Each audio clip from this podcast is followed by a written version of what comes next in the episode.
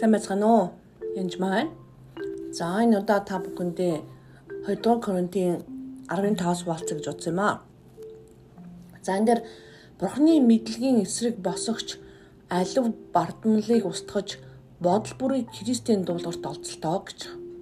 Тэгэхээр бидний дотор аливаа мэдлэгийн сүнслүүд байдаг л да Бурхны эсрэг боссон.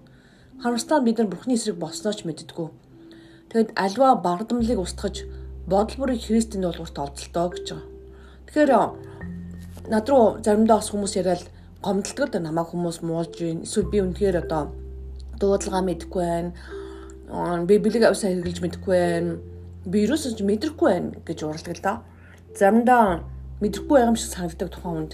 Заримдаа үнэхээр хэцүү байдаг. Алийн ялахыг мэдэхгүй л дээ. Гэхдээ би заримдаа хэцүү даалгавар өгдөг л дээ тэр хүмүүстээ юу ч хэлдэг вэ гэхээр тэгэхээр таны одоо ярьж байгаа юм чинь Библийн үнэнтэй зөрчилдөж байна. Тийм учраас хоёлаа над бодлуудаа цэгцэлж өөр бурхны бодлуудаар солих хэрэгтэй байна гэж хэлдэг. Жишээл юу ч мэдрэхгүй. Жишээлбэл та таталсан хуулийг мэдэрдэг гэж юу? Гэхдээ таталсны хууль таны амьдралд нөлөөлөд та газар дээр алхаж байгаа биз дээ. Тэрийг заавал мэдрэх ёстой биш. Тэр бурхны үнний хууль үргэлж байдаг. Үнийг та мэдрэхгүй байсан ч гэсэн ажилдаг байгаа. Тэр мэдрэмжээрээ заримдаа өдөрдүүлж болохгүй. Та бид нар итгэлээрээ алхах цаг заримдаа гардаг. Үнэхээр урагшлах шаардлагатай, өсөх шаардлагатай зүйл биднэрт үнэхээр байдаг. Жишээлбэл магадгүй та трама ч юм уу таны амьдралд одоо хүүхд насанд болсон эсвэл хин нэгэн буруутгасан одоо ч гэсэн хин нэгэн таныг буруутгаж гомдолж эсвэл таныг одоо хэцүү байдалд оруулж иж магадгүй юм. Гэтэ бид нар урагшлах хэрэгтэй. Тэрэн дотор байгаа л өрөөндөө одоо биеийг өөрийгөө цоочилчихсан эсвэл одоо нэг одоо гимтсэн бэртцэн хүн шиг шархаа долоогоод байх хэвээр юу? Маш хурдан шархаа эдгээгээд тулалдах хэвээр юу гэдгээ сайн бодолцох хэрэгтэй. Таны амьдралд та зогсох хэвээр талбар зөндөө байгаа. Зөвхөн Бурхны хаанчлалын төлөө гэхээс илүү таны амьдралд ч гэсэн ээжийнхаа хувьд, аавынхаа хувьд, ахынхаа хувьд, эсвэл дүүгийнхаа хүүхдийнхаа хувьд зогсох хэвээр талбарууд байдаг. Та үнэхээр нийгэмд бас хэрэгцээтэй бол тэр нийгмийнхаа талбар зогсох хэвээр талбар байдаг. Тэгэхээр урагшаага харах цаг бас байдаг. Тийм болохоор таны одоо бурхны бардамлын эсрэг бурхны одоо хэлж байгаа үгний эсрэг одоо чи сул дорой гэж таны тархитлагын дотор хин нэг үгэлж байгаа эсвэл чи чадахгүй штэ чи хин юм бэ гэж хин нэгэн таны хэлж магадгүй тэр үед нь та үнэхээр эзний үнийг тунгалахтаа би эзэн дотор хүчтэй би түүгээр дамжуулж бүгдийг хийж чадна гэж хэлээд уршлах ёстой. Заавал тэр хүнтэй маргалдах албатай биш. Заавал харин тэр бодлыг бол хөөж явуулах ёстой гэсэн үг. Тэр бодлыг дуулгаар байрдаг, олзолдог гэж байгаа юм. Олзолж бариад гаргаж хаях ёстой гэсэн үг.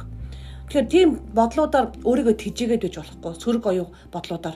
Тэгэхээр би хүн залбирахаар юу болж байгааг мэдэхгүй байна. Юу ч болохгүй байна. Та итгэлээрээ гараа тавиад залбирна. Энийг үнийг ариун сүнс хийд юм а гэж би хэлдэг. Би дуудлага мэдэхгүй. Би ирээдүгөөс айж байна. Миний нөхөр намайг зодож байна дандаа гих мэтчлэн маш хэцүү зүйлүүдийг сонсдог.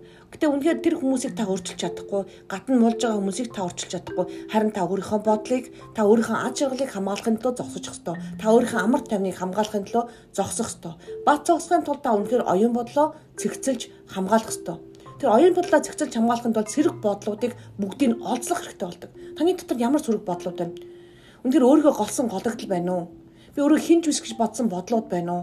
Та анзаараарай өөр дөр анхаарлаа хандуулаад Эзэн минь та миний бодлуудыг хянахад туслаач эзэн минь. Таны эсрэг хэлэгдсэн. Үнэхээр таны мэдлэгийн эсрэг босгож тэр бодлууд байна уу эзэн минь?